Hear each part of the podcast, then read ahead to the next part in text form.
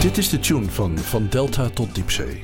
De podcast van het Koninklijk Nederlands Instituut voor Onderzoek der Zee, het NIOS.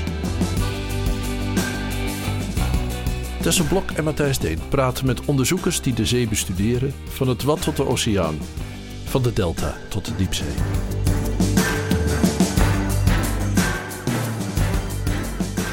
Over wat ze zien als ze naar de zee kijken. Ja, dan zie ik eigenlijk een heel, ja, eigenlijk de meest interessante plek, denk ik, op aarde. Het water. En eh, eigenlijk eh, zie ik dan ook een hele grote ja, ruimte vol met geheimen. Over vogels boven het wat. Wat ziet een kanoet als hij hier overheen kijkt?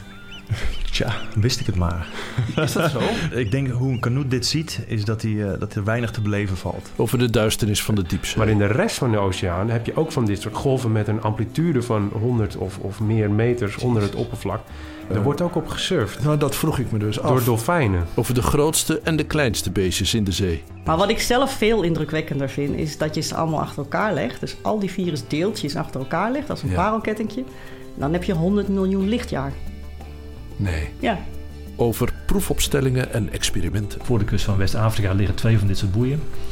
En die eh, verzamelen stof eh, uit de lucht, die monitoren eh, Sahara-stof. Pompen hier op het Niels zout water naar binnen. Ah ja. En dat filteren, dus dat is gewoon helemaal schoon water. En dat zout water dat gaat over de vloer heen.